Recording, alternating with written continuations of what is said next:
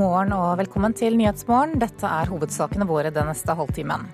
Utdelingen av fredsprisen til EU er i strid med Alfred Nobels vilje og testamentet, mener en gruppe som nå har saksøkt Nobelstiftelsen. Arbeid med likestilling i utviklingsland gir gode resultater. Det mener Norad, som straks er på plass her i studio.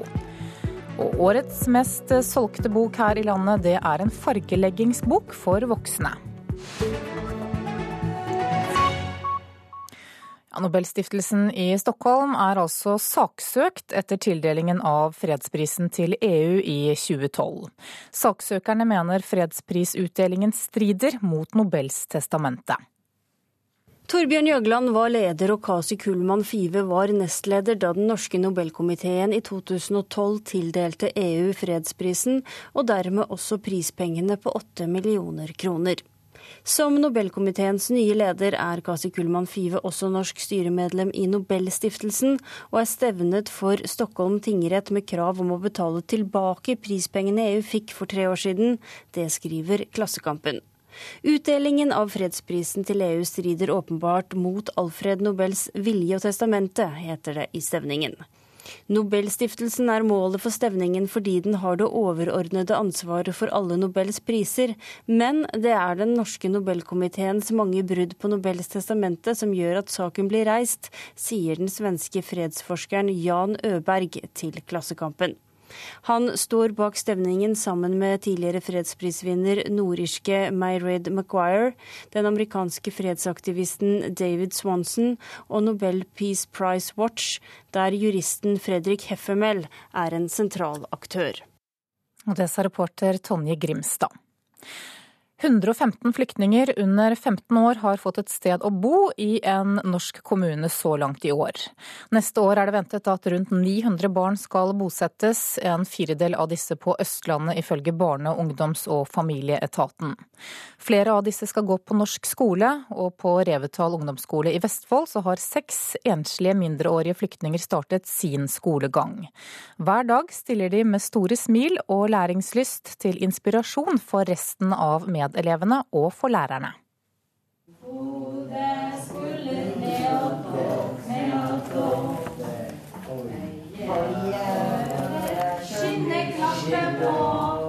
Stemningen er på topp i det lille klasserommet i andre etasje på Revetal ungdomsskole.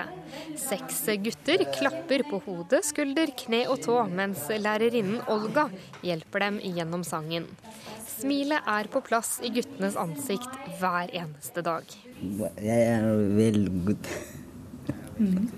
Veldig glad. Jeg lærer norsk og engelsk og matematikk. Ja. 14-åringene Sigab og Sidiakula kommer fra Eritrea og Afghanistan. Begge kom hit for tre måneder siden og er enslige flyktninger. Gutta er ikke i tvil om hva de syns om å få lov til å gå på norsk skole. Altså, jeg lærer en veldig flink. Og så er jeg veldig glad. Ja, Du smiler mye når du prater om skolen? Ja. Hvorfor det? Jeg er veldig glad. Jeg lærer norsk, og så elever norsk. Jeg hjelper deg. Mm. Elevene hjelper deg? Ja, jeg hjelper meg. Mm. Jeg, er veldig glad. Mm, jeg trives på skolen. Ja. Jeg har en veldig snill lærer der, og som voksne som jobber i hus. Så jeg er veldig glad i Norge. Hva tenker du når du står opp om morgenen og kommer på skolen? Jeg tenker da jeg starter en ny dag på skolen. Så jeg kommer til å lære som ny. Ja. Du syns det er gøy? Ja. Ved siden av guttene sitter kommunalsjefen i Re kommune, Unni Bu. Hun lytter og smiler mens gutta forteller. Jeg syns det er veldig flott å se disse to guttene som kun har vært her i tre måneder, og greier å svare deg eh, på norsk. De er veldig ivrige på å lære. Uh, og det bruker selvfølgelig rektor her til de andre elevene å fortelle om. At de er kjempemotiverte for å lære. Og det tenker jeg at norske elever også kan tenke gjennom sin situasjon. Når skolearbeidet noen ganger er litt kjedelig, så er det kjempeviktig å gjøre sitt beste. For det er utdannelse som gjør at vi får et godt liv videre. Ifølge BU er gutta blitt til forbilder for elevene ved skolen, noe åttendeklassingene Frikk Ormestad Larsen og Selma Eggum Myrvang kan skrive under på. Det er spennende. Høre litt hvordan de har det i andre land, og hvorfor de har kommet hit og sånn. Det er eh, interessant. Det, det byr på noen utfordringer, men eh, vi har jo klart oss ganske bra, da. Hva syns dere om eh, hvordan de møter opp hver dag og er blide stort sett og ivrige etter å lære? Er det sånn med norske elever òg? Det er ikke helt det, siden norske elever er jo vant til å Eller der de flyktningene er fra, så har de kanskje ikke gått så mye på skole og sånn. Mens vi har gått på skole hver dag i mange år. Så vi er kanskje ikke så ivrige som de. Er du like glad når du kommer på skolen hver dag? Ja, jeg er ganske glad for å gå på skolen. Jeg syns egentlig skole er ganske gøy, sånn sett. Og jeg nyter faga som vi har på skolen. Så også det å se andre også like å gå på skolen, det er ganske fint, det.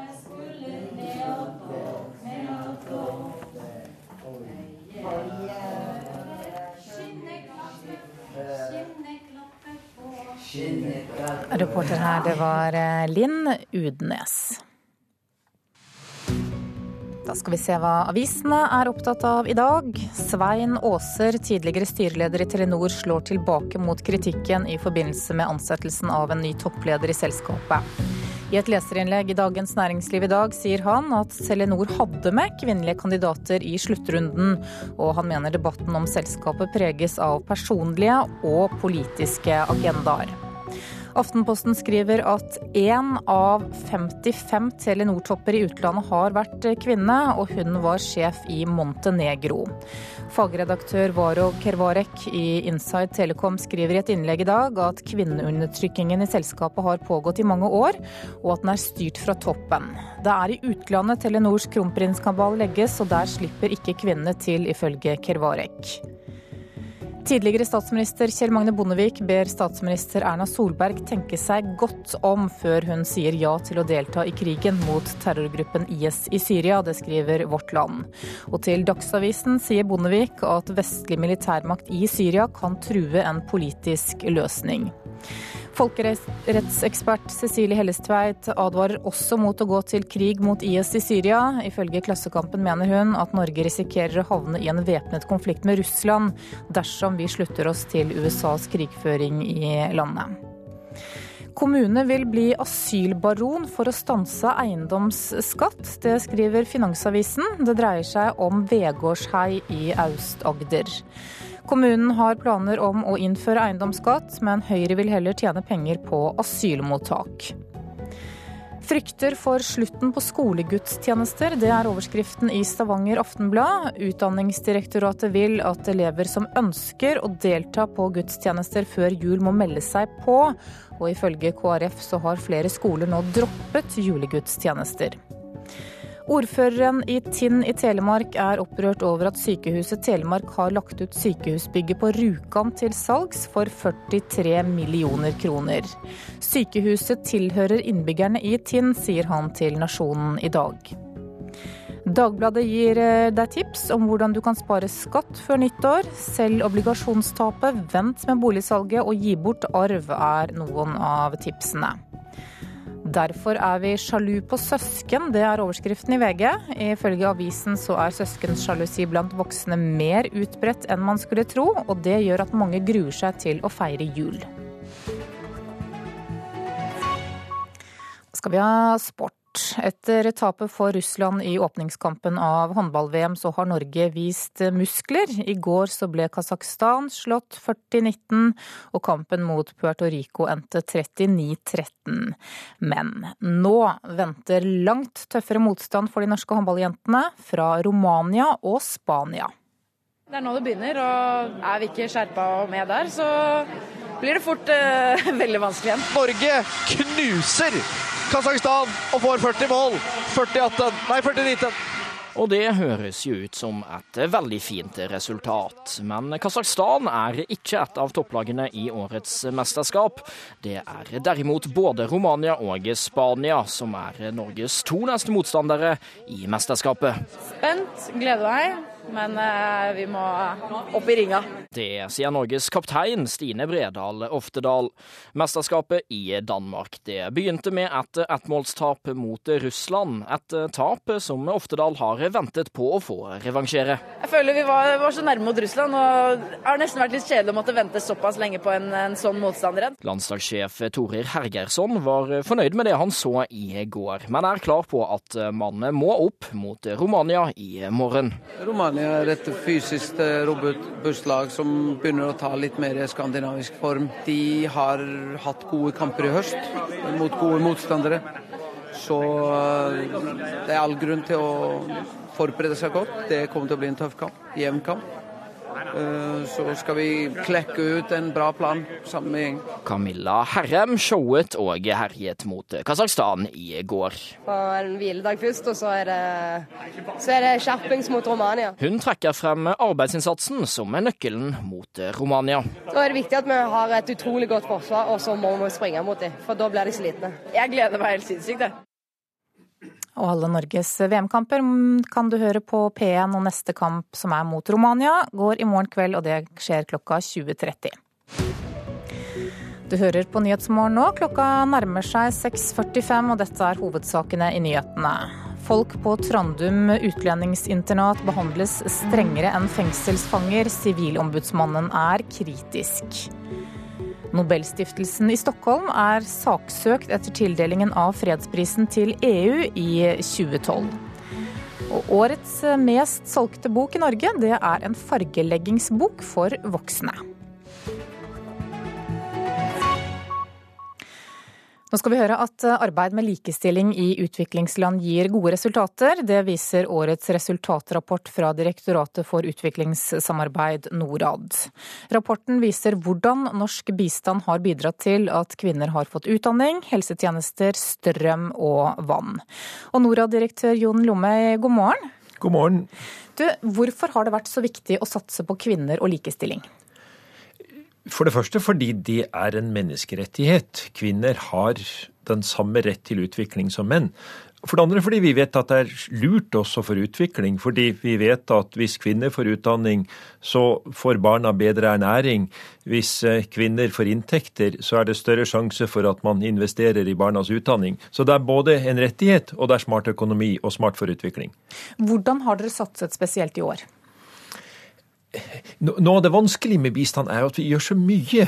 Eh, vi investerer så godt og så mye, og vi får så mye igjen. Men det vi har gjort eh, i år, det er at vi har plukka ut 22 eksempler eh, fra hele verden på ting som vi har fått til. Og det, er, det varierer fra 12 000 kvinner i Nepal som har starta business fordi de har fått bedre tid, fordi de har fått strøm, ikke trenger å hente vann til kvinnelige ingeniører i Tanzania, som, mm, der vi gjennom et stipendprogram har bidratt til å fordoble antall kvinnelige ingeniører, til kvinner i uh, Kongo som har fått litt, ikke så mye som vi ønsker, men litt redusert risikoen for å bli utsatt for uh, seksualisert vold i en konfliktsituasjon. Så det som jeg tror er viktig her, det er jo at for det første så må vi feire de store seirene som vi har fått til på dette området. Det at uh, i to tredjedeler av verdens fattige land så får nå like mange kvinner som menn uh, grunnutdanning. Det at uh, vi har redusert dødeligheten i forbindelse med svangerskap med 45% totalt. Så, så globalt sett har vi oppnådd mye.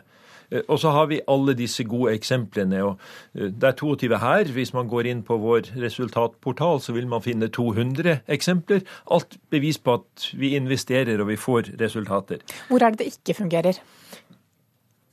Det som er vanskeligst når det gjelder likestillingsarbeid, er jo at uh, vi jobber med holdninger som stikker dypt. Og vi ser også internasjonalt noen vanskelige trender. Vi ser at det skjer en mobilisering av motkrefter, konservative, religiøse. Vi ser det både i de internasjonale diskusjonene om likestilling rundt tusenårsmålene nå, men vi ser det også på enkeltprosjekter som i Sudan, da vi forsøkte et, et tiltak mot kjønnslemlestelse, der vi ser religiøs mobilisering mot lovendringer. Så det, det er noen problematiske krefter her som vi også, som vi også slåss mot. Ja, hva gjør dere med det? Hva gjør vi med det? Eh, vi gjør det som vi eh, alltid prøver å gjøre. Eh, opplæring, utdanning. Men jeg tror også vi skal ikke undervurdere den rollen som Norge spiller her som foregangsland, som et land som har gode resultater å vise til sjøl. Gro hadde sin likestillingsregjering 30 år før Trudeau i Canada. Det forteller noe om, om Norges posisjon, og den, den har vi. Eh, og vi ser også at Norge er viktig fordi vi er villige til å ta opp noen av de vanskelige, kontroversielle temaene, ikke minst knytta til eh, seksuelle og reproduktive rettigheter eh, for kvinner. Kort til slutt, Regjeringen har valgt å konsentrere bistanden om færre land. Hvilke resultater har det gitt? Det er jo lettere å ta, ta, tak i totaliteten i en situasjon i en land, og se hvordan ting henger sammen når vi kan konsentrere innsatsen om noen færre land. Så jeg tror totalt sett over tid så vil det bidra til at vi får enda bedre resultater. Jon Lomøy, direktør i Norad, takk for at du kom hit til Nyhetsmorgen. Det skal bli dyrere å bruke bil og å produsere rødt kjøtt. Det er blant de mange forslagene som kommer når ekspertutvalget som er kalt Grønn skattekommisjon legger frem sine ideer i dag. Grønn skattekommisjon blir overlevert til finansminister Siv Jensen klokka ti i formiddag. Der kommer utvalget til å argumentere for hardere skattlegging av miljøskadelig atferd, og å avvikle støtteordninger som har hatt negativ miljøeffekt. I en kronikk utvalgsleder Lars Erik Borge har skrevet i Dagens Næringsliv i dag, sier han at alle norske klimautslipp bør bli prisa. Han argumenterer for at utslipp som er omfattet av EUs system for klimakvoter, ikke skal ha avgifter knytta til seg i tillegg til kvoteordninga. Avgiften i landbruket skal opp, skriver han, og det er naturlig å redusere støtta til produksjon av rødt kjøtt. Avgiftene for bilbruk må bli mer treffsikre. Det betyr at det skal bli dyrere å bruke bil, særlig i storbyene, står det. Inngrep i naturen som reduserer biologisk mangfold, skal også straffes hardere økonomisk. Forslaget til kommisjonen drar inn en mengde penger til staten, som bør brukes til å redusere inntektsskatt for personer og selskap, argumenterer Borge. Det sa reporter Håvard Grønli. Og Venstre og Høyre diskuterer Grønn skattekommisjon i Politisk kvarter, og det skjer klokka 7.45. Sjefen for Operaen i Oslo må greie å skaffe ekstra penger, forstå skandinavisk demokratisk lederstil og fremheve laget og ikke seg selv. Det mener operasangerne Solveig Kringlebotn og Øystein Wiik. I går ble listen over de som ønsker å bli ny operasjef offentliggjort.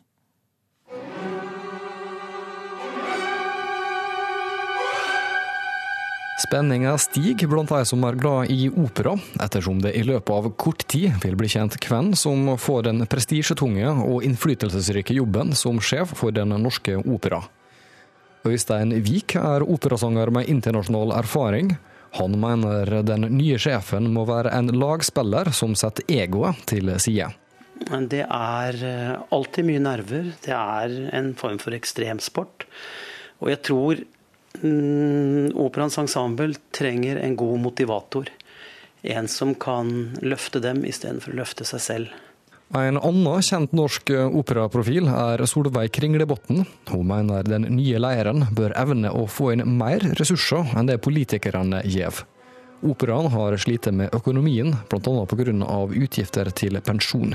En mann eller dame som er flink til å generere penger, for å kunne produsere god opera, så trenger vi mer enn de bevilgningene vi får fra staten. Det har vært en del saker i media etter at den sittende operasjefen Per Boje Hansen ikke fikk fortsette. Operasanger Kringlebotn tror det er viktig å forstå den skandinaviske leierstilen for at det skal bli harmoni og søt musikk blant de ansatte i operaen. Som er kjempeviktig, det er en som forstår skandinavisk arbeidskultur. At, at han forstår liksom hvordan kjemien skal være med Ola Nordmann og Kari, det er veldig viktig. Av de 42 som står på søkerlista som operasjef, er bare tre av de norske. Øystein Wiik, som i tillegg til sanger jobber som forfatter, mener det er viktig å få inn en leder som vil sitte i sjefsstolen i mange år, og ikke forsvinne til ei større scene etter første akt. Som kan eh, se eh, Den Norske Opera som et eh, langvarig oppholdssted, og ikke bare et sjakktrekk for å komme seg videre til Covent Garden eller Metropolitan Operaen eller et av de største husene. Og det store spørsmålet til slutt, hvem er det som oppfyller alle disse kravene, og som kan være med å skaffe fulle operahus og trampeklapp? Administrerende direktør i Den norske opera, Nils Are Karstad Lyse, sier dette om søkerlista. Jeg syns vi har mange gode kandidater. Jeg kan ikke gå inn på enkeltnavn eh, nå. Jeg er fornøyd med, med prosessen så langt. Og reporter i denne saken, det var Øystein Vinstad. Boken som har solgt mest i Norge i år, er verken en krim fra Jo Nesbø, en roman fra Jojo Moyes eller et krigsdrama fra Jon Michelet. Det er en fargeleggingsbok for voksne. Ifølge Gyldendal forlag har boken Den hemmelige hagen med illustrasjoner av Johanna Basford solgt 115 000 eksemplarer bare i år. Fargeleggingsfenomenet har tatt Norge med storm, og forlagene har kastet seg over den nye sjangeren. Jeg tror jeg har mine ord behold når jeg sier at Den hemmelige hagen av Joanna Basford er årets mest solgte bok i Norge. Påstanden kommer fra redaktør Ingrid Ryvarden i Gyldendal Forlag, og den bekreftes av Bokhandlerforeningens tall. Ingen bøker har solgt mer enn Den hemmelige hagen i år. Ei fargeleggingsbok som best kan beskrives av en ekte entusiast. Denne her som heter Den hemmelige hagen. Masse blader og fugler og insekter. Små ting som er gjemt inn i boka hele veien. Små hemmeligheter. Det sa Krystall Presttun fra Hønefoss til NRK i sommer. For fargeleggingsfenomenet har ikke gått upåakta hen i media. Noe av det hotteste du kan drive med for tida, det er å fargelegge. But you will also need a blank sheet of paper, and then for the drawing, Skotske Joanna Basford, som her gir tegnetips til sine fans via sin YouTube-kanal, står bak den største salgssuksessen Den hemmelige hagen.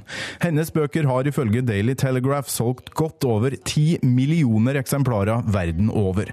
Fargelegging er blitt et fenomen som kan sammenlignes med sudoku-trenden for ti år siden, sier Ingrid Ryvarden i Gyldendal. Hun tror nordmenn har kjøpt rundt 600 000 fargeleggingsbøker i år. Og så blir det en sånn trend som alle snakker om, og som alle, veldig mange driver med. Og så blir det stort på sosiale medier, og folk deler bilder. Og så bare vokser det seg til et eh, nasjonalt og internasjonalt fenomen.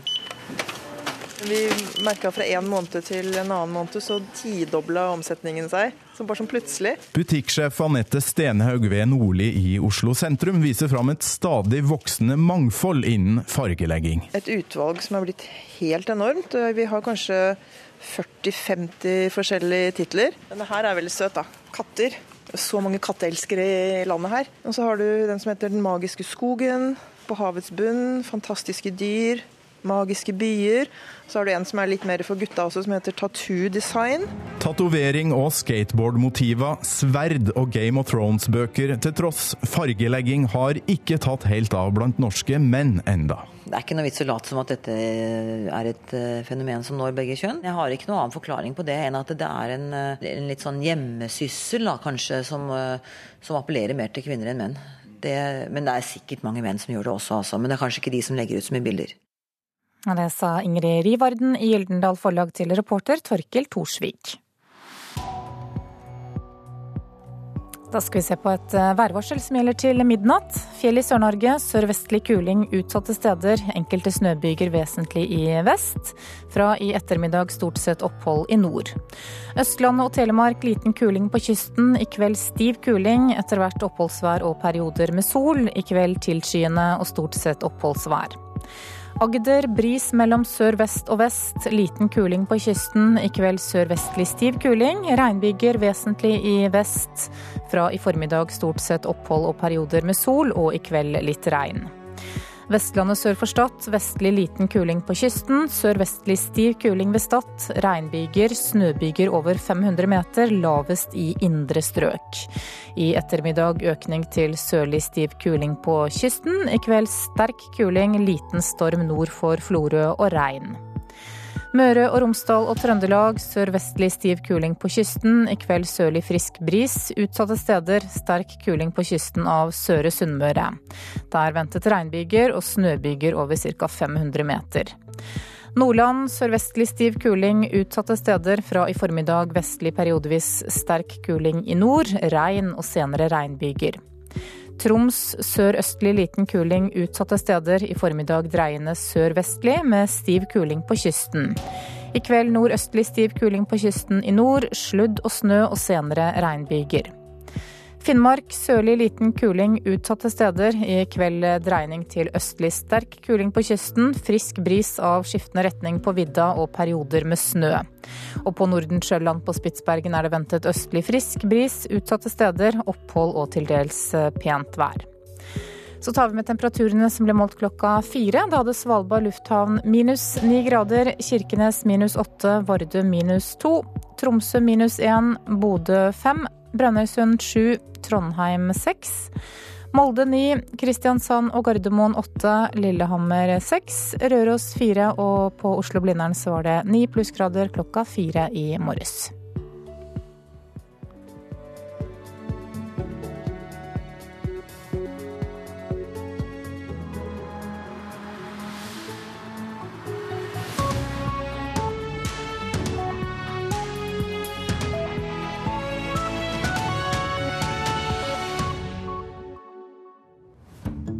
Når barna blir ungdommer, blir det om mulig enda vanskeligere å vite hvilke bøker de vil ha til jul.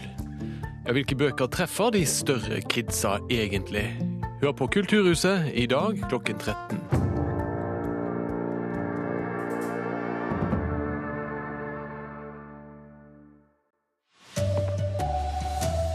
Hyppige innlåsinger og uegnede forhold for barn. Trandum utlendingsinternat får kritikk. Det skal bli dyrere å bruke bil og å produsere rødt kjøtt, foreslår ekspertutvalg. Her er NRK Dagsnytt klokka sju ved Anders Borgen Werring. Sivilombudsmannen er kritisk til behandlingen av internerte på politiets utlendingsinternat på Trandum. Full avkledning ved visitasjoner, hyppige innlåsinger, uegnede forhold for barn og en helsetjeneste som ikke er uavhengig av politiets utlendingsenhet, er noe av det som blir påpekt i en ny rapport. Kontrollnivået framstår på enkelte områder som strengere enn i mange fengsler, selv om de som er der ikke soner en straff, heter det i rapporten. Og Sivilombudsmannen utdyper kritikken i Nyhetsmorgen på NRK P2 og Alltid nyheter straks. Det skal bli dyrere å bruke bil og å produsere rødt kjøtt. Det er blant de mange forslagene som kommer når ekspertutvalget som er kalt Grønn skattekommisjon, legger fram sine ideer i dag. Grønn skattekommisjon blir overlevert til finansminister Siv Jensen klokka ti i formiddag. Der kommer utvalget til å argumentere for hardere skattlegging av miljøskadelig atferd, og å avvikle støtteordninger som har hatt negativ miljøeffekt. I en kronikk utvalgsleder Lars Erik Borge har skrevet i Dagens Næringsliv i dag, sier han at alle norske klimautslipp bør bli prisa. Han argumenterer for at utslipp som er omfattet av EUs system for klimakvoter, ikke skal ha avgifter knytta til seg i tillegg til kvoteordninga. Avgiften i landbruket skal opp, skriver han, og det er naturlig å redusere støtta til produksjon av rødt kjøtt. Avgiftene for bilbruk må bli mer treffsikre. Det betyr at det skal bli dyrere å bruke bil, særlig i storbyene, står det. Inngrep i naturen som reduserer biologisk mangfold, skal også straffes hardere økonomisk. Forslaget til kommisjonen drar inn en mengde penger til staten, som bør brukes til å redusere inntektsskatt for personer og selskap, argumenterer Borge. Sa reporter Håvard Grønli. Og Venstre og Høyre diskuterer Grønn skattekommisjon i Politisk kvarter i NRK P2 klokka 7.45. Tidligere statsminister Kjell Magne Bondevik advarer regjeringen mot forhastede konklusjoner når det gjelder å gå til krig mot IS i Syria. Det melder Dagsavisen og Vårt Land. En militær opptrapping i krigen i Syria kan gjøre det vanskeligere å finne en politisk løsning, sier Bondevik, som mener det er helt avgjørende at Russland og Vesten blir enige om den framtidige rollen til Syrias president Bashar al-Assad. I løpet av november forsvant 294 asylsøkere fra norske asylmottak. Til sammen var 1697 borte fra mottakene eh, ved utløpet av november. Og ifølge Stavanger Aftenblad har antallet økt jevnt og trutt hele året. Det var NRK Dagsnytt. Klokka er 7.03. Nyhetsmorgen fortsetter med disse sakene. Bråket rundt ansettelsen av ny toppsjef i Telenor fortsetter. Ingen av de tre mest seriøse kandidatene som ny konsernsjef var kvinner, fastslår VG i dag. Vi skal snakke med Sivilombudsmannen, som er bekymret for hvordan folk på politiets utlendingsinternat på Trandum blir behandlet. Stedet er helt uegnet for barn, ifølge Sivilombudsmannen. Og Donald Trump har nå ertet på seg mange briter.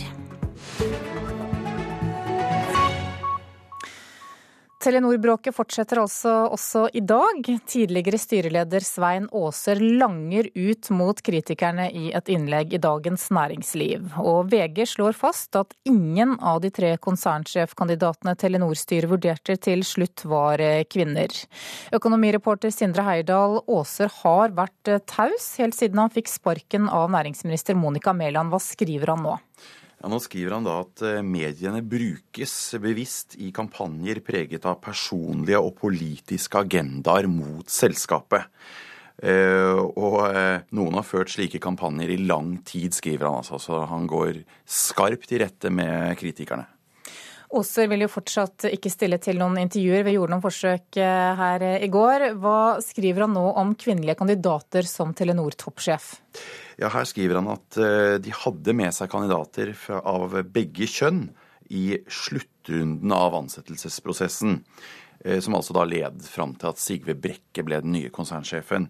Eh, han nevner da i innlegget sitt en kvinnelig kandidat, uten å navngi henne, som da skal ha blitt intervjuet i et møte med rekrutteringsbyrået og et utvalg fra styret, altså noen få styremedlemmer. Ja, hvordan kan VG da slå fast at alle de tre mest aktuelle kandidatene til stillingen som konsernsjef var menn? Ja, Det blir egentlig en logisk slutning, for det kom også en pressemelding fra, fra styret Telenor i går, hvor de skrev at alle de tre siste kandidatene, de som ble mest seriøst studert, eh, de ble intervjuet av et samlet styre, altså av alle styremedlemmene. Og Dermed har jo Aaser eh, i sitt innlegg egentlig indirekte eh, innrømmet at ingen av kvinnene var med eh, når man ble intervjuet av et samlet styre, slår da VG fast, og det, det virker som en logisk konsekvens. Har Telenor et kvinneproblem? Vel, det kan jo lytterne selv avgjøre, men eh, vi kan jo i hvert fall slå fast at konsernledelsen i Telenor består av 18 eh, menn og 3 kvinner. Og eh, som bransjebladet Inside Telecom også har påvist, så av 55 utenlandssjefer som Telenor har hatt, altså som styrer operasjonen i de enkelte land ute i verden, så har kun én vært kvinne. Én av 55. Takk skal du ha, Sindre Heirdal. Som vi hørte i Dagsnytt, så er Sivilombudsmannen kritisk til behandlingen av internerte på politiets utlendingsinternat på Trandum. Kontrollnivået fremstår på enkelte områder som strengere enn i mange fengsler, heter det i rapporten. Og sivilombudsmann Åge Thor Falkanger, hva mener dere med det?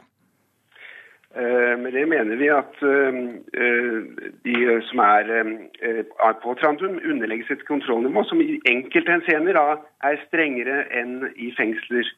Og Dette da til tross for at de ikke soner straff, slik som man gjør i fengsler. Og Jeg tenker særlig på dette med at det utføres rutinemessige kroppsvisitasjoner av alle voksne ved Trandum ved innkomst og etter hvert besøk av andre, eh, etter hvert besøk de får av andre, annet enn advokater. Eh, og det selv om da ansatte har vært til stede under besøkene. Og De internerte må da kle av seg helt og sette seg på huk over et speil mens de undersøkes. Hvorfor er dere kritiske til det? Ja, Vi mener at dette er unødvendig eh, strengt regime på en institusjon som Trandum, der de altså ikke soner straff. Det har jo vært eh, opptøyer, eh, og du sier at dette kan føre til økt eh, uro. Hva er du redd for? Jeg er redd for at det bygger seg opp frustrasjon blant de, de, som er der, og at dette får en sånn trykkokereffekt som kan lede til uønskede hendelser. Istedenfor det man da ønsker med disse, denne kontrollen, nemlig å skape trygghet. Og I rapporten fra dere så står det også at Trandum er et uegnet sted for barn. Likevel ble 330 barn internert, internert der i fjor, i hovedsak sammen med foreldrene sine. På hvilken måte kan barn ta skade av å være på Trandum? Trandum er jo et sted der mennesker i dyp krise befinner seg, og barn som er der utsettes for sterke inntrykk. Bl.a. var det i 2014 og til mai i år 18 selvmords- og selvskadingsforsøk. Og Det har også vært flere hendelser, bl.a. opptøyer der, som har medført knusing av inventar, branntilløp, maktanvendelse og også da de nevnte selvmordsforsøk. Vi vet også at flere av selvskadings- og selvmordsforsøkene har funnet sted inne på kvinneavdelingen, som ligger like ved familieenheten. Og Dette er ikke gunstig for barn, og det skaper ikke tilfredsstillende psykososialt miljø for dem. Så skriver dere også at internatet ikke har uavhengige helsetjenester, men leier inn leger fra et privat firma. Hvorfor er det problematisk?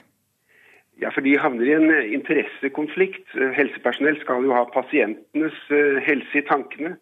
Og når de da er engasjert av eller ansatt i PU, så kan det lett oppstå en konflikt ved at de kan ha oppdragsgivers ønsker i tankene. Og dette bygger på helsefaglige Våre anbefalinger her bygger på helsefaglige prinsipper og er i tråd med internasjonale anbefalinger.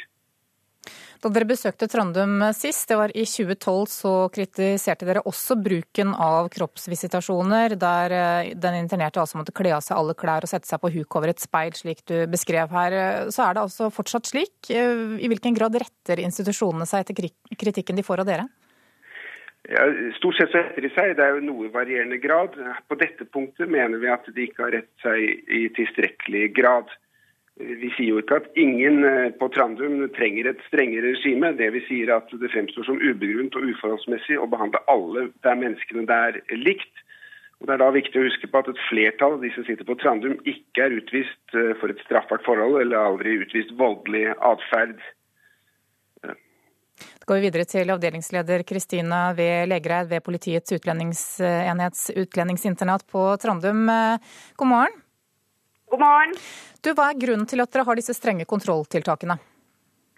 Eh, først av alt så vil jeg si at, at vi syns det er veldig bra at Sivilombudsmannen har tatt seg tid til å komme på besøk til oss. Eh, vi, er en, vi, er en, svært eh, spesiell institusjon, den eneste i norsk sammenheng.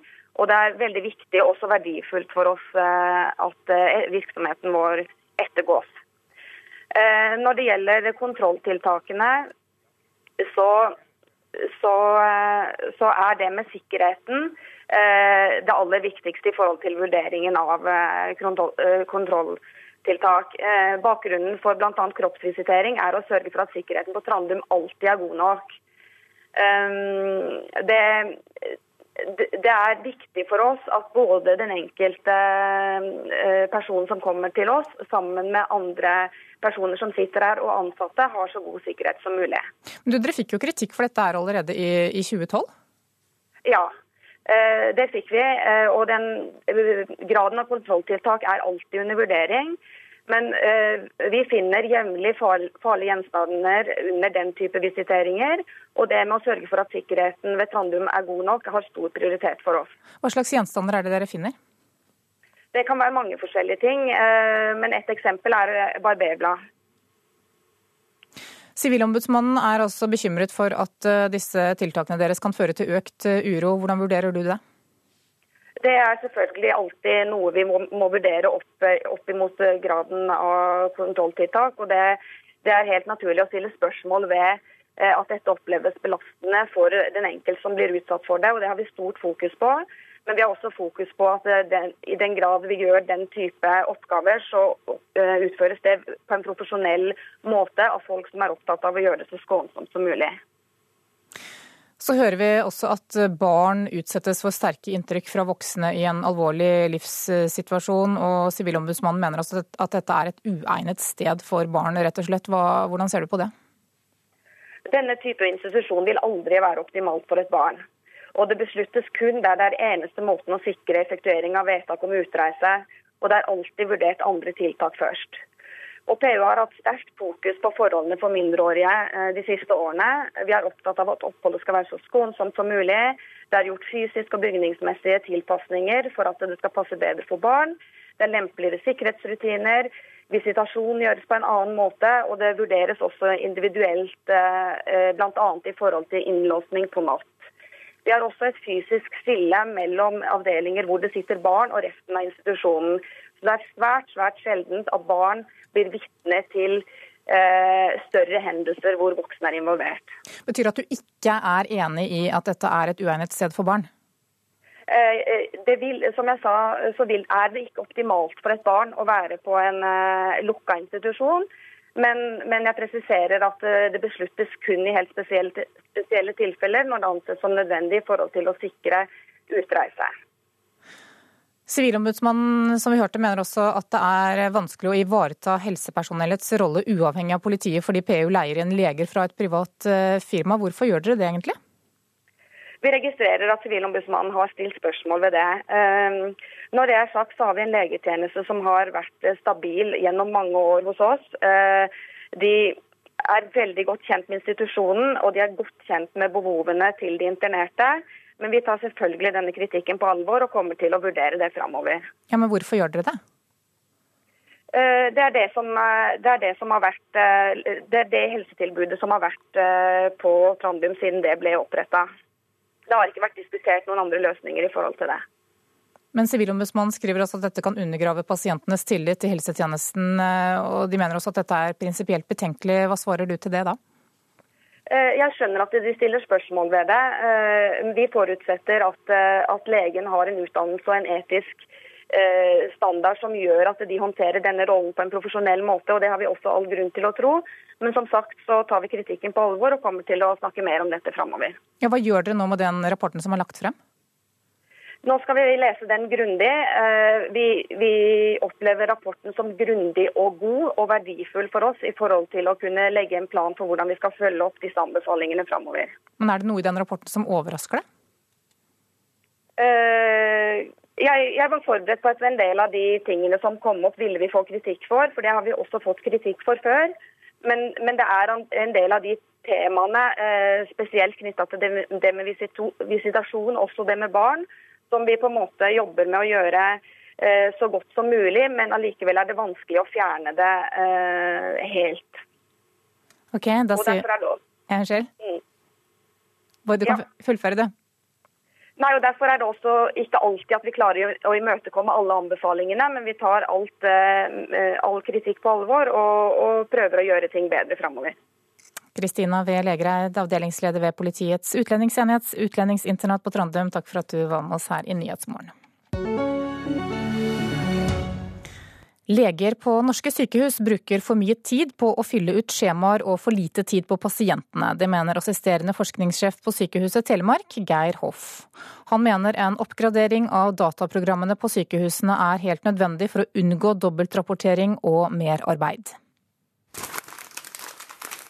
dette skjemaet her sånn, det burde vi bare kunne krølle sammen og satse mer på elektroniske løsninger. Han krøller sammen et av flere skjema som må fylles ut etter en behandling.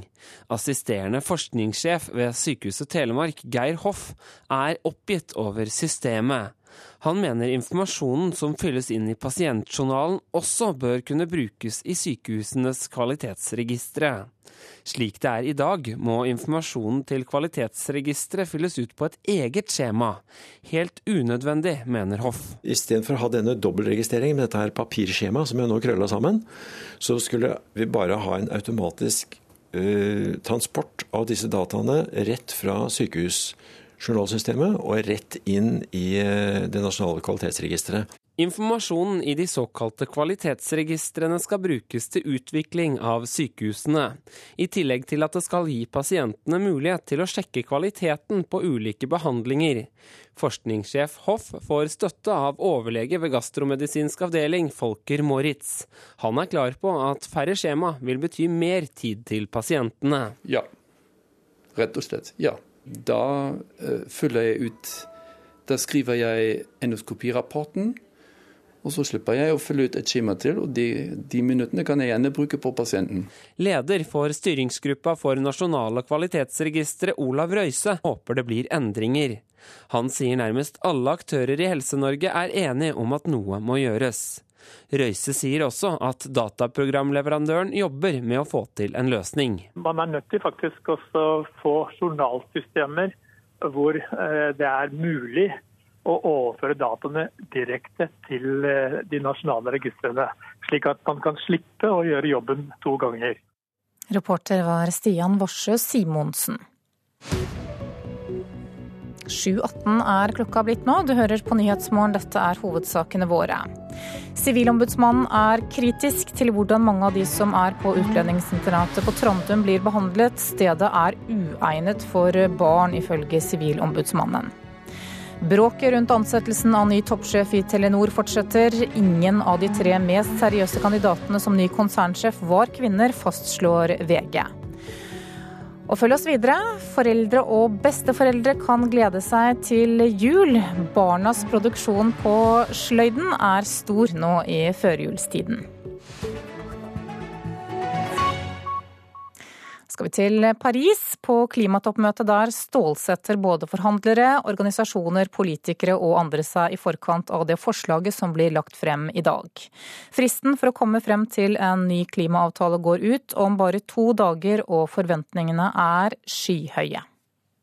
Vi håper at vi får en avtale som er god, men det kommer ikke til å bli god nok. De må inneholde gode regler for at land kan se seg i kortene, så de ikke jukser med sine utslippsreduksjoner. Jeg tror vi kommer til å se en helt ny virkelighet som gjør at man ønsker å ta de grønne valgene. Den teksten som kommer nå, den vil få kjeft uansett. En og en halv grad, så kan det være at vi overlever, roper demonstrantene. Bård Vegar Solhjell fra SV og rådgiver Ingrid Næss Holm i Kirkens Nødhjelp følger som mange andre klimatoppmøtet tett. De 198 landene har mål om å bli enige om en avtale som skal redde verden fra de verste konsekvensene fra global oppvarming. Men målet om to grader eller mindre er vanskelig. Det tror jeg vil være et av de uløste spørsmålene som står igjen helt til slutt. Det er bare to dager igjen. I dag kommer de med en ny avtaletekst som skal være kortere og tydeligere enn tidligere forslag. Hva som står i den teksten som kommer, eh, Vi tror det kommer til å stå at de rike landene fortsatt har et stort ansvar. Og så kommer det til å slå, bli slått fast at det fortsatt er en del land som er fattige og som skal være mottaker av finansieringen.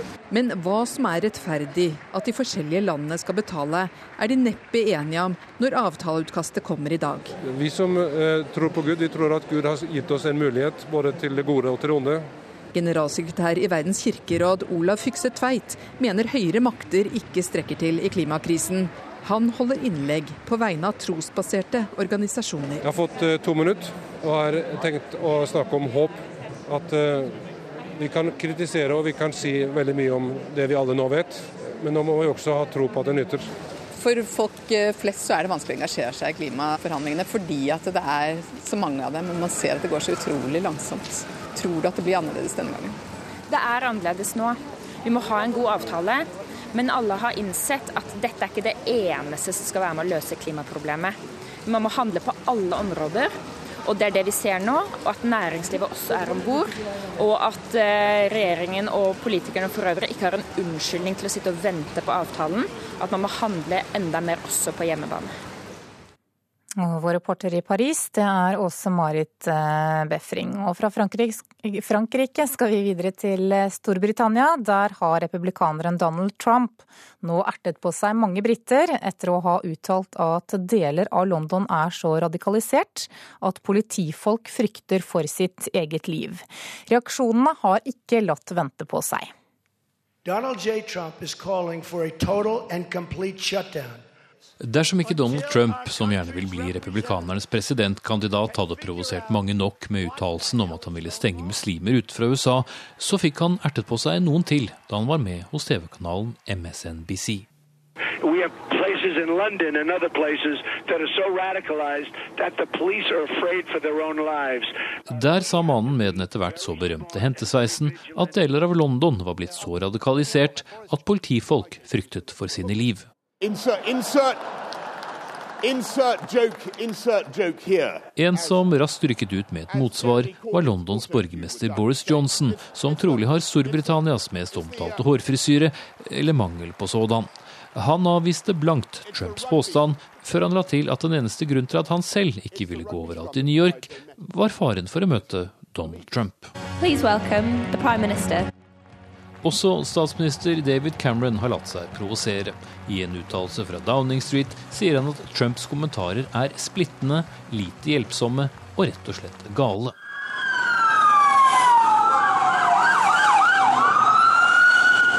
Ja, selv London-politiet har gjort noe så uvanlig som å kommentere uttalelsen.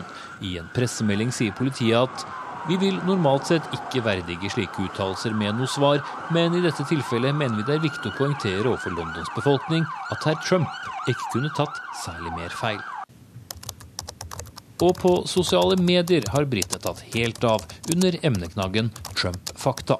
Noen har postet et bilde av dronning Elisabeth i et skaut med teksten 'Nå er Storbritannia blitt så radikalisert at dronningen bærer hijab i stedet for krone'. Andre skriver at landet er så radikalisert at klokketårnet som huser Big Ben, nå brukes som minarett for å kalle inn til bønn, osv.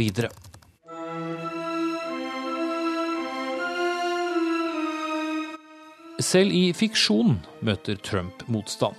Ifølge Harry Potter-forfatteren JK Rowling var ikke trollmann Voldemort i nærheten av å være så ille som Donald Trump. I'd introduce you, but word has it you're almost as famous as me. Espen Aas, London.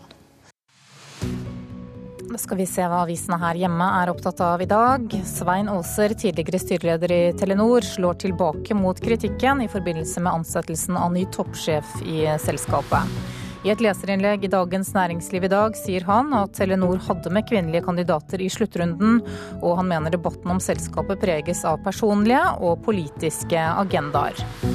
Samtidig skriver Aftenposten at én av 55 Telenor-topper i utlandet har vært eh, kvinne, og hun var sjef i Montenegro. Fagredaktør Varo Kervarek i Inside Telekom skriver i et innlegg i dag at kvinneundertrykkingen i selskapet har pågått i mange år, og at den er styrt fra toppen. Det er i utlandet Telenors kronprinskabal legges. Der slipper ikke kvinnene til, ifølge Kervarek. Tidligere statsminister Kjell Magne Bondevik ber statsminister Erna Solberg tenke seg godt om før hun sier ja til å delta i krigen mot terrorgruppen IS i Syria. Det skriver Vårt Land. Og til Dagsavisen sier Bondevik at vestlig militærmakt i Syria kan true en politisk løsning. Gjennom generasjoner har norske barn sørget for at foreldre og besteforeldre og andre pakker opp forklær, smørekniver, fuglekasser og dørskilt til jul. Det er høy produksjon på skolen nå i førjulstiden, og vi har møtt noen tiåringer som er i full gang med en favoritt fra norske sløydsaler, nemlig brødfjæra. Jeg heter Jone. Jeg heter Tiam. Jeg heter Ea. Jeg heter Sigrid. I sløyden lager vi bilder og dørskilt til dem som vil, og så lager vi brødfjøl. Men man trenger ikke å lage dørskilt, da. La oss starte med fjøla. Um, vi bare saga en plate med tre, og så pussa vi den. Og så hvis vi ville ha en form oppå toppen, så kunne vi spørre om sløydlæreren kunne kutte det opp. Du har fått litt sånn fin utskjæring på toppen der. Ja, jeg tenkte at det egentlig skulle bli en sol, men alle syns egentlig at det lignet på et slott. Og det er jeg faktisk litt enig i. Det vil hun sikkert ta, da blir hun sikkert glad. Jeg feila jo egentlig sånn på begynnelsen, for den er ikke helt symmetrisk. Fortell litt om hva dere må tenke på når dere skal lage gode fjøler. Eh, du må konsentrere deg veldig mye, og så eh, Du må pusse den hele tida. For ellers, ja Flis. Det er det eneste jeg kommer til å si. Og eh, hull Jeg vet egentlig ikke hvorfor vi har hull. Det er det ingen som vet. Ja. det er et mysterium? Ja, det er det. Jeg vet! Jeg tror det er for å henge den opp hvis noen vil det. Ja, det ja. det. For å henge den opp. Det vil hun sikkert da blir hun sikkert glad. Hva kan egentlig gå galt, da? Hvis du tar og hamrer, så kan du hamre deg selv i tommelen og Sånne ting. Har det skjedd, eller? Ja, det skjedde med meg. Jeg mista litt av huden. Men det gror tilbake, da. Jeg ble helt blå her etter at jeg har la- har lagd et hjerte som er til mamma. Jeg kutta meg, og også en time så kunne jeg ikke bøye tommelen helt. Hvem er det som skal få gavene? Har dere bestemt dere? Ja. Jeg har bestemt meg helt. Jeg kan liksom ikke ombestemme meg. Jeg har jo skrevet det. Det står 'Vi tenker på deg, pappa'. Det er koselig, da. Ja. Hva står det hos deg da, Sigrid. Nam-nam, er du sulten? Hvem er det som skal få den? Pappa, tror jeg. Jeg vet ikke. Nei. Jeg skrev navnet mitt, så skrev jeg 'sulten', og så tegner jeg et brød. Og det skal til mamma. Og Jone, da? Jeg skal lage det til moren min, for han var skikkelig lenge på ny brødfjøl. Her står det noe. Hva står det? Det står 'sulten, lag taco til meg', og at jeg elsker taco. For gaven ligger pakket inn, og gjett hva mor skal få. Et spekefjør som mor kan smøre skolematen på. Dere har sikkert gitt bort ting til de voksne som dere har laga sjøl før. Ja, Hvordan pleier de voksne å reagere? De pleier å bli glad hele tiden. Moren min bare ah, 'Se hvor fin den er!' Jeg ga et bilde jeg hadde lagd selv av et høstblad på sløyden til mormor og morfar i fjor, og den har de hengende over TV-en. Rekker dere å bli ferdig med alt? Ja. Jeg har nødt til å lage noe til faren min. Ja, jeg er ferdig med den, men jeg vet ikke om jeg helt er fornøyd med den. Eller... Den som er så fin, Jona. Jeg skal bare gi en til mamma, og jeg vet ikke hva jeg skal gi til pappa ennå. Noen overraskelser gjenstår. Ja. Og at det er en nyttig ting, kan ingen komme fra. Det er bare å glede seg, altså. De fire på Sløydsalen ved Setre skole på Notodden, det var Jone Syftestad Eriksen, Tiam Sepavan, Ea Torvanger Lysbakken og Sigrid Eie. Og reporter her, det var Ken Willy Wilhelmsen. Du lytter til Nyhetsmorgen. Klokka nærmer seg 7.30 og Dagsnytt. Produsent for Nyhetsmorgen i dag heter Kari Bekken Larsen, og her i studio Anne Jetlund Hansen.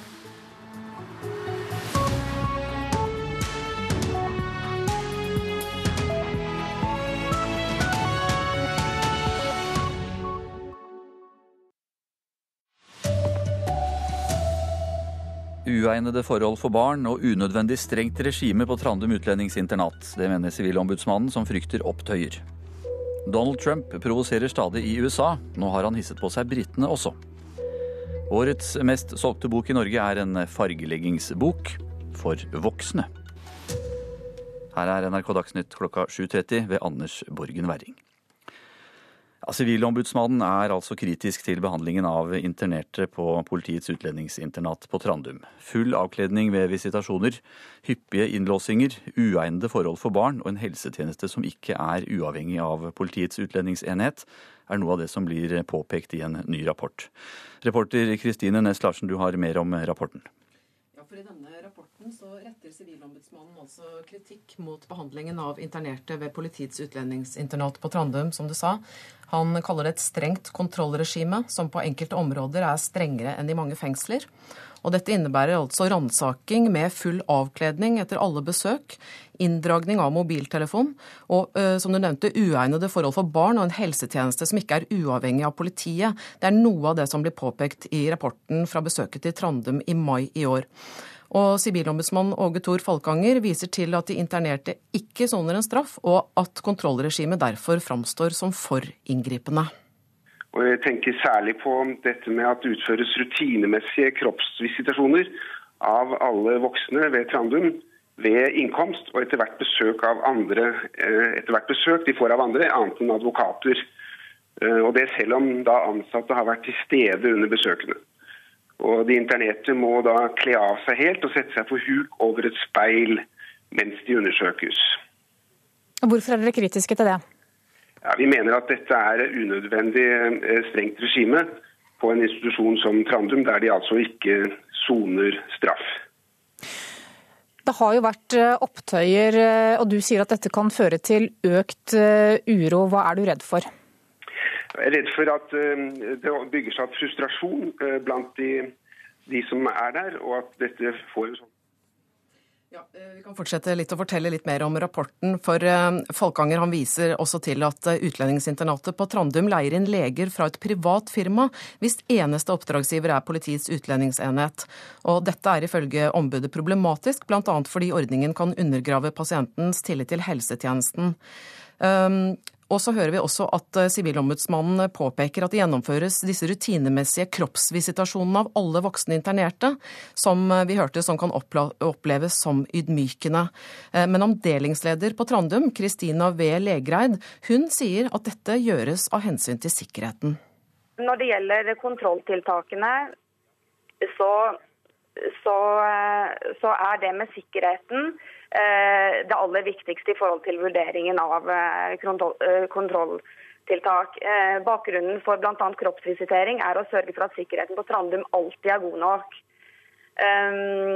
Det, det er viktig for oss at både den enkelte personen som kommer til oss, sammen med andre personer som sitter her og ansatte, har så god sikkerhet som mulig skal det handle om eh, Telenor-bråket. Ingen av eh, Telenor-styrets tre mest aktuelle kandidater som ny konsernsjef var kvinner. Det til tross for at den sparkede styrelederen Svein Aaser fremdeles hevder at kvinnelige kandidater var med i sluttrunden. Det fastslår VG i dag. Økonomireporter Sindre Heierdal, hvordan kan VG fastslå det? Ja, Det kom en egen eh, pressemelding fra styret i går hvor det bl.a. kom frem at de tre siste kandidatene som ble mest seriøst vurdert, ble intervjuet av et samlet styre med alle styremedlemmene til stede.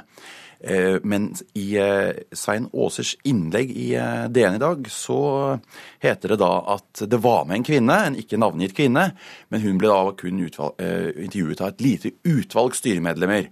Og dermed indirekte, slår da VG fast, så, så har han innrømmet at det var ingen kvinne i den aller siste runden. Er det sånn at Telenor er et eh, for mannsdominert eh, selskap? Ja, Det kan jo lytterne selv avgjøre, men eh, det er i hvert fall et faktum at det er kun tre kvinner i konsernledelsen, som består av 21 personer. Og også blant utenlandssjefene i Telenor, globalt sett, så har det altså vært 55 personer. Kun én av dem, en kvinne i 2011, var, var, var med der. Takk skal du ha, økonomireporter Sindre Heierdal skal vi gjøre at republikaneren Donald Trump nå har ertet på seg mange briter. Reaksjonene lot ikke vente på seg da han uttalte at deler av London er så radikalisert at politifolk frykter for sitt eget liv. We have places in London and other places that are so radicalized that the police are afraid for their own lives. Der sa mannen med den etter hvert så berømte hentesveisen at deler av London var blitt så radikalisert at politifolk fryktet for sine liv. Insert, insert Insert joke, insert joke en som raskt rykket ut med et motsvar, var Londons borgermester Boris Johnson, som trolig har Storbritannias mest omtalte hårfrisyre, eller mangel på sådan. Han avviste blankt Trumps påstand, før han la til at den eneste grunn til at han selv ikke ville gå overalt i New York, var faren for å møte Donald Trump. Også statsminister David Cameron har latt seg provosere. I en uttalelse fra Downing Street sier han at Trumps kommentarer er splittende, lite hjelpsomme og rett og slett gale.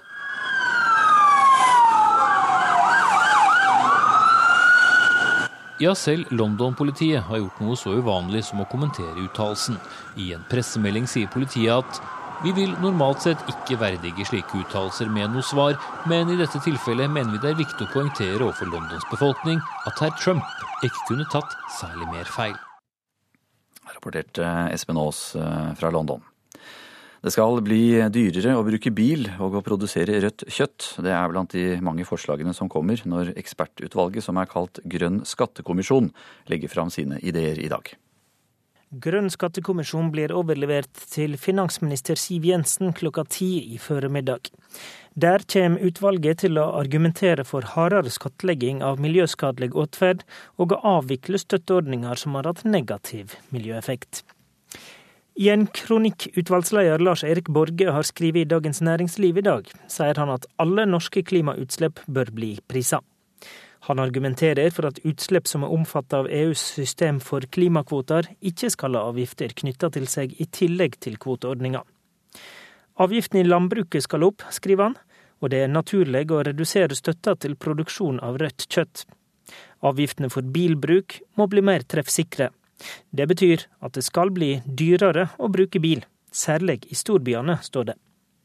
Inngrep i naturen som reduserer biologisk mangfold, skal også straffes hardere økonomisk. Forslaget til kommisjonen drar inn en mengde penger til staten, som bør brukes til å redusere inntektsskatt for personer og selskap, argumenterer Borge. Det sa Håvard Grønli, som i dag har invitert Venstre og Høyre for å diskutere Grønn skattekommisjon i Politisk kvarter i P2 klokka 7.45. Barnegråt og mangel på søvn kan gjøre foreldre så slitne at de kan skade barna sine.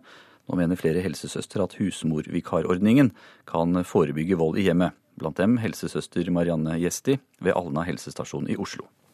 Jeg tenker at det ville vært flott. Eh, det ville vært en fin mulighet til å ja, f.eks. henvise dit hvis man trengte det. Til å bli sett og bli tatt litt vare på. Fått litt avlastning. Og tenker at for oss helsesøstre så er det viktig å forebygge. Helsestasjonen er jo opptatt av det. Sånn at, eh, at de får hjelp til å til eh, noen timer i uken eller osv. Det vet jo ikke jeg, men at det er kjempeviktig. Jeg tenker at man, at man har savnet det. Mange savner den lille ekstra hjelpen. Da skal vi høre at boka som har eh, solgt mest i Norge i år, verken er en krim fra Jo Nesbø eller et eh, krigsdrama fra Jon Michelet. Det er en fargeleggingsbok for voksne. Jeg tror jeg har mine ordbehold når jeg sier at Den hemmelige hagen av Joanna Basford er årets mest solgte bok i Norge. Påstanden kommer fra redaktør Ingrid Ryvarden i Gyldendal Forlag, og den bekreftes av Bokhandlerforeningens tall. Ingen bøker har solgt mer enn Den hemmelige hagen i år. Ei fargeleggingsbok som best kan beskrives av en ekte entusiast. Masse blader og fugler og insekter. Små ting som er gjemt inn i boka hele veien. Små hemmeligheter. Det sa Krystall Presttun fra Hønefoss til NRK i sommer, da trenden hadde etablert seg i Norge. En ny sjanger og en salgseksplosjon som kan sammenlignes med sudoku-trenden for ti år siden. Det sier butikksjef Anette Stenhaug ved Nordli i Oslo sentrum.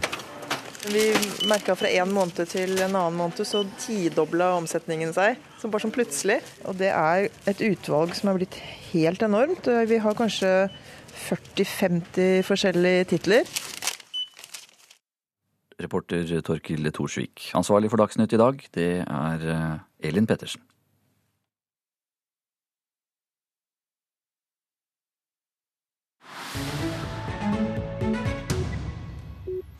Klokka er 7.40 eh, nå, og Nyhetsmorgen fortsetter.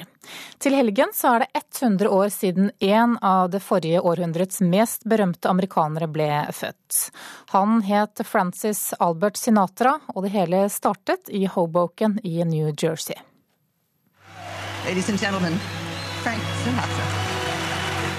Han ble kalt The Voice, og det var først og fremst stemmen her i et opptak fra hans spede begynnelse med The Hoboken Four da han var 20 år.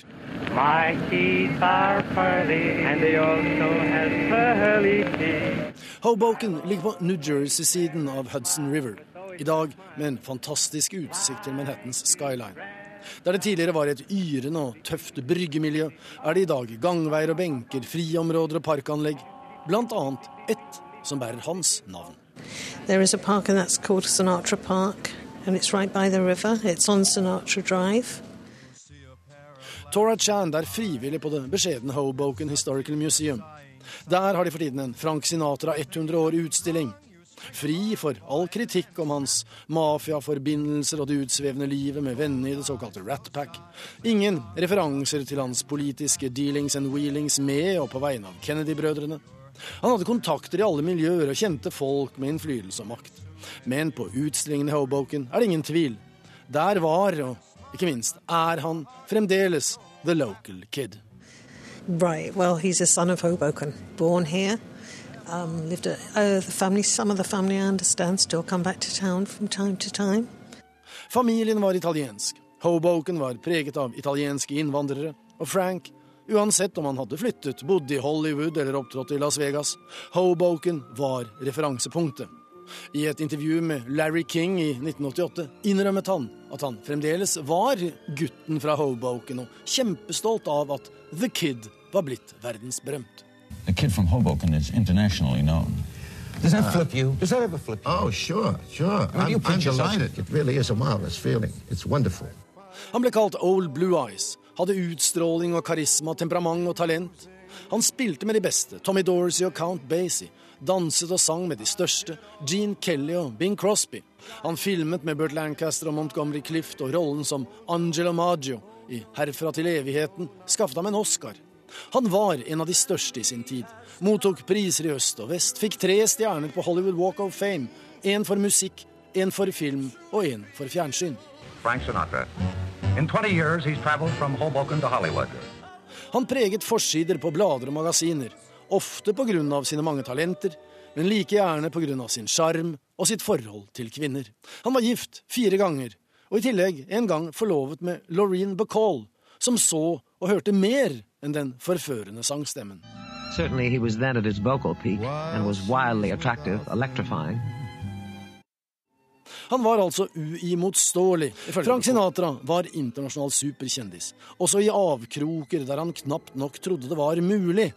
Men som han sa til Larry King på CNN i 1988 We get uh, fan mail from uh, foreign countries, a lot of mail from, from countries like Norway, uh, Albania.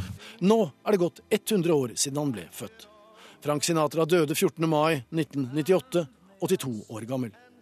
Da han ble stedt til hvile i Beverly Hills i California, fikk han med seg en flaske Jack Daniels og en pakke Camel i kisten på sin siste reise.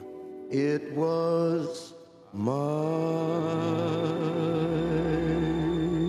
way.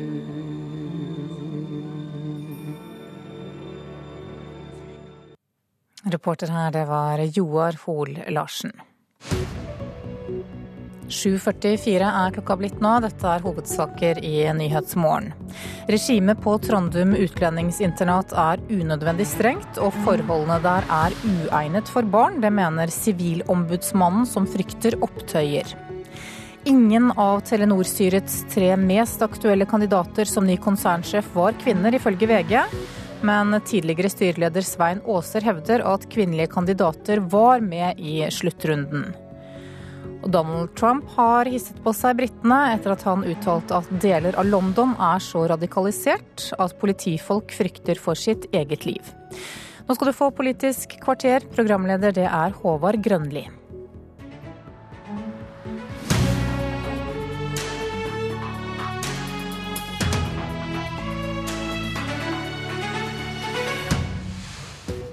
I dag kommer den lenge omtalte grønne skattekommisjonen. Har samarbeidspartiene forplikta seg til å følge det som kommer der? Stortingsflertallet vil gi ekstra veipenger til kommuner som slår seg sammen.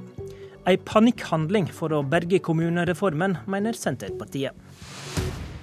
Men ellers er det ingen grunn til panikk. Klokka er 7.45, Politisk kvarter er på plass, alt er som det skal.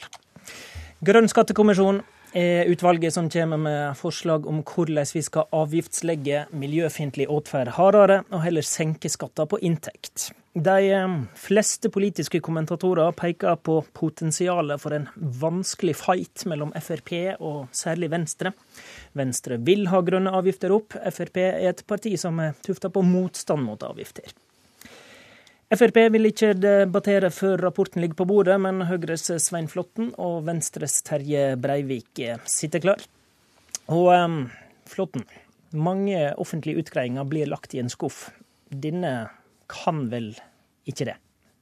Nei, det tror jeg ikke. fordi at uh, Flertallspartiene på Stortinget har jo da vært enige om at man skal fremme forslag i statsbudsjettet for 2017 i kjølvannet av det som kommisjonen legger fram i, i dag. Betyr det at dere er forplikta til å følge det kommisjonen foreslår? Ja, regjeringen er forpliktet til å følge opp det som, som stortingsflertallet har har sagt, men stortingsflertallet har jo ikke sagt at man i ett og alt skal følge opp alt som ligger i kommisjonens forslag. Det kjenner jeg jo heller ikke til. Men, men, man skal fremme forslag om et grønt skatteskift. Og så er det viktig å understreke det som du sa innledningsvis, nemlig at det skal være en vridning da fra uh, røde skatter, for å kalle det det, og over til grønne skatter. Altså at vi får tilsvarende minst reduksjoner i personbeskatningen, i selskapsbeskatningen og for så vidt også i formuesbeskatningen på personer. Sånn at det som kommer i dag, det vil nødvendigvis gi mer skattelette på inntekter? Det kan det komme til å gjøre, alt ettersom hva man eh, legger på den eh, forpliktelsessiden. Så det, mm. det, blir en balanse. Men jeg håper jo at vi skal kunne senke det alminnelige skattenivået som skal bidra til vekst, eh, til investeringer og den typen ting. Og så skal vi ha lik prising av utslipp mest mulig. Har stortingsflertallet forplikta seg til å sørge for at avgiftene på CO2-utslipp skal opp? Ja, De har i hvert fall forpliktet seg til å innarbeide eh, deler av dette i budsjettet for 2017. Nå tror jo jeg at Grønn skattekommisjon, eh, som ikke har lest, har så vidt mange forslag at dette sikkert blir en innfasing og forslag som er aktuelle over ganske lang tid. Men at vi har en forpliktelse om å eh, se på dette, vurdere dette og foreslå det i budsjettet budsjettet for 2017. Det er det ingen tvil om, men det står jo ikke noe om omfanget. altså Det skal jo først ut på en høring. Så må vi se hvilke motforestillinger som finnes. Jeg gjetter på at de er en del. Jeg kan bare nevne to sektorer. Landbrukssektoren og transportsektoren. Jeg ser i avisen i dag at det snakkes om køprising, det snakkes om ulykkesavgifter osv. Så, videre, så det kommer til å bli en stor debatt fra de som er berørt i kjølvannet av dette. Se på, vurdere og foreslå sier Flåtten. Terje Breivik, du er finanspolitisk talsmann i eh, Venstre. I budsjettavtalen i år så er det vist mye til denne kommisjonen. Ehm, hva mener du regjeringa har forplikta seg til med de henvisningene? Her har jo vi alle fire forplikta oss til å følge opp Grønn skattekommisjon. Det skulle bare mangle. sant? Nå haster det å gjøre noe i forhold til klimaet. Hvis vi skal unngå å sende den store klimaregningen til kommende generasjoner, så må vi òg ta i bruk en av de kraftigste verktøyene vi har politisk, altså marknaden, marknadskreftene. Sette opp prisen på det du vil ha mindre av, klima, klimautslipp, forurensning, og mindre på det du vil ha mer av, sysselsetting, verdiskaping næringsutvikling og gjør det lettere å ta klimavennlige valg i hverdagen. Mener du stortingsflertallet med budsjettavtalen i år har forplikta seg til å heve avgiftene på CO2-utslipp? Ja, vi har forplikta oss i budsjettavtalen på å ha til 2017-budsjettet blir det budsjettet hvor vi virkelig får på plass et uh, grønt skatteskifte av et visst format. Har dere forplikta dere til at det skal bli dyrere å bruke bil?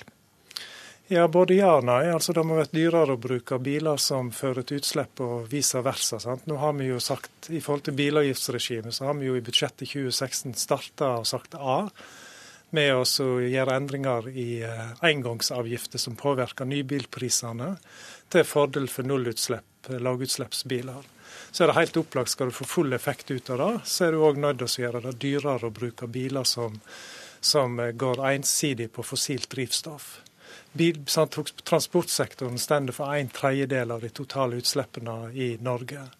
Og Skal du da komme i, i nærheten av 40% i 2030, så lyter transport til en betydelig andel av de reduksjonene. Flåtten Breivik mener da tydeligvis at en har forplikta seg allerede til eh, at det skal bli dyrere å, å kjøre eh, biler som forurenser, og at eh, dere skal innføre CO2-avgifter. Ja, Jeg syns ikke jeg hører ham si det så tydelig, men jeg tror faktisk ikke det er noe særlig uenighet mellom disse fire partnerne om at uh, man skal fremme forslag om et grønt skatteskift på forskjellige områder i budsjettet som kommer for 2017. Og jeg tror ikke det er noe, noe sak det å lage dette til en, en, veldig forskjell i oppfatningene mellom de fire samarbeidspartiene. De var enige om dette. Så kommer Grønn skattekommisjon-rapporten i dag, og så går man løs på denne jobben. Jeg men, ser ikke men, så veldig mye dramatikk i det. Nei, det, men det er interessant, for du er jo vant med å sitte mellom sentrumspartiet og Frp i budsjettforhandlinger, og grønne avgifter var jo en vanskelig tematikk i år, det er jo ingen hemmelighet. Eh, nå kan, Nei, nå kan du jo svare diplomatisk, men kanskje heller et ærlig svar er mer interessant. Hvor vanskelig tror du dette kan bli, da? Ja, men Det er helt opplagt at dette er utfordrende når man skal flytte på tilvante ting. Men på den annen side, det som ligger i bunnen her, nemlig at vi skal utligne dette mot personskatter, mot andre skatter, det var noe av det samme vi gjorde i budsjettet i år. Altså Selskapsskatten for 2016 er satt ned med 6 milliarder, og så har vi gjort noe med elavgiften, så har vi gjort noe med passasjeravgiften på fly osv. Jeg tror ikke dette blir eh, veldig mye mer utfordrende enn det vi hadde i året. Om å gjøre å finne de riktige tingene. Og så er det om å gjøre å overbevise folk om at selv om du får noen økte avgifter for å for å betale for de utslippene man har, så vil man få det igjen på en annen side, mm. nemlig ved at du får lavere skatter totalt sett. og Da mener jeg at da blir bedriftsøkonomier, da blir personøkonomier, eh, kommer da like godt eller bedre ut. Litt avhengig av hva du bruker pengene på, selvfølgelig. Breivik, utvalgslederen, han skriver om forslaget i en kronikk i Dagens Næringsliv i dag. og Det første temaet han nevner der, det er landbruket. At det er hensiktsmessig å redusere produksjonsstøtte for rett kjøtt. Og Landbruket det var også første tema som Limi i Frp nevnte her i dette studio da han ble spurt om kommisjonen forrige uke. Er Venstre villig til å gjøre det dyrere for norske bønder å produsere kjøtt? da? Landbruket er òg en, en, av de sektorene som må bidra, i og med at de, de er utslippskilder. Landbruket sjøl er jo veldig, veldig medvetne og er på hugget i så måte. Sant? I samband med jordbruksoppgjøret det var altså 2014, så ble det jo sett ned et eget utvalg som skal se på miljø, miljøproblematikken. Men det kan bli vrient å opprettholde en produksjon i hele landet, kanskje? Ja, med er... avgifter? Ja, det, det, kommer jo an på hvordan du innretter det. Sant? Men at landbruk må bidra, er ikke tvil om i og med at de de er en av eh, de i hermetegn større utslippskjeldene i utslippsfri sektor. Eh, så litt tilbake til det som er hovedtematikken. Altså hvor vanskelig det er. Husk på at eh, dette er, det, det er jo et grønt skatteskifte. Eh, og det er klart Når nå Grønn skattekommisjon kommer med alle oppsidene, når du skal prise, pris, sette opp prisen på forurensning, så gjør du òg veldig mye på andre sida. Du gjør, du gjør biodrivstoff betydelig billigere. Sant? Nå har vi fjerna avgiftene t.d. på biodiesel, som òg indirekte er veldig god distriktspolitikk. Det skaper en marked for skognæringer. Mm. Men, men, men dette vil vel først og fremst dreie seg om å finne pisk, for det ligger jo en, allerede en del gulrøtter på bordet? Nei, både selvsagt, eh, selvsagt ikke. Det er fremdeles rom for svært mye gulrøtter. For at du, du, bruker jo merinntektene som du får på prisoppforurensning, på det som jeg òg oppfatter nå utvalget kommer til å foreslå i dag, mm. nemlig å sette ned skatter på, på, ting som du vil ha mer av. Sant? Sysselsetting, mm. næringsutvikling. Vi skal eh, snakke om andre gulrøtter nå. Takk til Svein Flåtten og Terje Breivik.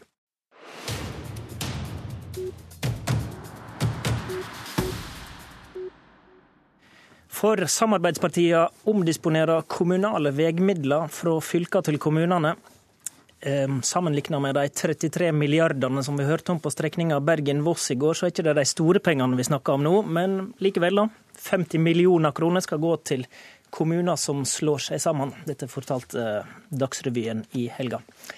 Helge André Njåstad i Frp, du er leder i kommunalkomiteen på Stortinget. Hvorfor er det behov for dette grepet nå? Det er jo noe vi har registrert når vi møter ordførere. så er det én ting de ber om, det er penger til vei. Eh, og Vi vet òg at kommunesammenslåinger handler også om å knytte folk tettere sammen. og Da handler det om å gi de litt ekstra til at de kan eh, korte inn veien mellom to, to kommuner, sånn at det blir et felles arbeid- og bomarked. Så vi svarer opp den forventningen som er hos ordførere og kommunepolitikere, at de vil enda mer penger til vei. og kan da legge på plass en ordning som kan gi litt toppfinansiering på gode prosjekt. Hvor mange kommuner tror du kan la seg lokke til sammenslåing av disse 50 millionene, da? Jeg håper jo at dette vil sette litt fart på debatten det neste halvåret, sånn at mange kommuner søker eh, om å få veipenger, og at mange kommuner kanskje at dette er den utløsende faktoren for at de lander en kommunestruktur som er fornuftig når de skal melde tilbake 1.7, hva de syns er riktig for sin kommune. Heidi Greni, du er medlem i kommunalkomiteen fra, og fra Senterpartiet. Dere mener dette er, er ei panikkhandling. Forklar. Ja, det, I beste fall så er det i hvert fall komisk. Det er jo godt å se at eh, regjeringspartiene oppfatter det samme som meg, at nå har lufta gått ut av kommunereformen, og den er i grunnen avlyst. Og da er det noe sånn panikkgrep som kommer i, i denne runden. som eh, det, det her grepet er jo bare latterlig. Hvis du regner på det, så utgjør det ca. én meter vei per kommune. Og mange som slår seg sammen for å få én meter ekstra vei, det vet ikke jeg, men jeg vil tro det er fryktelig, fryktelig få. Njåstad, en har vel rett i det, Senterpartiet, at det gir ikke mye vei, det her? Nei, Hvis man tar utgangspunkt i 50 millioner, så gjør ikke det mye vei. Men dette er en start. Eh, og vi har jo lagt inn at vi ønsker å komme tilbake i revidert med å styrke ordningen ytterligere. sånn at eh, ambisjonen er at vi skal bruke mer penger. Ok, det er en start? Det er en start for å få en ordning på plass. Og så håper vi at kommunene griper den muligheten og, og søker og engasjerer seg Og Ingen skal være overraska at vi ønsker å kanalisere penger inn til vei, fordi det er jo det som binder folk sammen og som skaper gode lokalsamfunn. Og så er det jo litt rart at Senterpartiet kritiserer oss både når vi legger gulrøtter på bordet og når vi kommer med pisk. Uansett hva vi gjør i forhold til kommunereformen, så er Senterpartiet imot. De vil ha samme kommunereform som var når Elvis toppa hitlistene, og det begynner å bli en stund siden. Hvorfor er det galt å gi gulrøtter, Greni? Det som er veldig merkelig, er at jeg kan sitere fra kommuneproposisjonen 2015. Der sier de det at de ikke vil bruke infrastrukturgulrøtter. De sier at de ikke skal bruke inntektssystemet for å påvirke kommunereformen. Og de sier at kommunereformen skal forankres lokalt og baseres på frivillighet. Og nå har de da gått bort fra alle de tre prinsippene, og det tykker vi er veldig feil. Men alternativet til å legge gulrøtter på bordet, det er jo antageligvis tvang, og det er jo iallfall Senterpartiet ja, nå, imot. Nå tror jeg det med begge deler. Det er ikke lenger enn siden forrige uke. Njåstad var ute i Bergens Tidende og trua med å bruke inntektssystemet, stikk i strid med det de sjøl har sagt i kommune proposisjonen 2015. Eh, så nå er det tydeligvis at panikken har tatt dem totalt. Og nå, eh, hva som kommer neste uke, vet jeg ikke. Men det, de her 50 millionene var iallfall ikke skremmende for Senterpartiet, for de er så latterlige at eh, jeg lurer nesten på om de har gått i studio to timer for tidlig. Det passer bedre i Nytt på nytt. Njåstad, mener du, altså, Bryter dere med prinsipp dere egentlig har eh, etablert for kommunereformen? Nei da, vi har vært ryddige hele veien og sagt at vi skal ha et nytt inntektssystem på plass fra 2017 som skal basere seg på kommunereformen. Og Det eh, har vi alltid sagt, og det kommer vi også til å levere på. Eh, dette med penger til vei har vi jo alltid ivra for. Vi har eh, sagt tidligere at vi skal i Nasjonal transportplan se på ny kommunestruktur i forhold til veimidler. Eh, og Det er ingen hemmelighet at regjeringspartiene, men òg KrF og Venstre, er opptatt av å bygge landet sammen. Det som er rart, er jo at Senterpartiet nå snakker latterligere, at vi skal på en måte la folk i distriktet få lov å komme tettere inn til nabokommunen. De burde jo heller applaudert dette forslaget, for det er jo virkelig god distriktspolitikk å kanalisere penger til kommuner, sånn at vi kan knytte folk tettere sammen. Som at, at, av alle at Senterpartiet skal være de som kritiserer oss mest for det, syns jeg er veldig rart. Så 50 millioner mer til fylkesvei er veldig bra. Men å knytte det opp til kommunereformen, det blir bare komisk. Hva det er for noe tiltro vi har til kommunepolitikere hvis de tror at én meter ekstra vei skal være det som er avgjørende på vektskåla når, når, de skal bestemme om de skal slå seg sammen med en nabokommune eller ikke. Jeg kan ta et eksempel fra Njåstad sin egen kommune. Han var jo ute her og sa at eh, de måtte få bru hvis det skulle bli aktuelt med kommunesammenslåing. Det er altså en førtiendedel av den brua de skal ha ut til Njåstads hjemkommune. Vi får se hva dette fører til. Takk til Helge André Njåstad og Heidi Greni. I studio i dag var Håvard Grønli.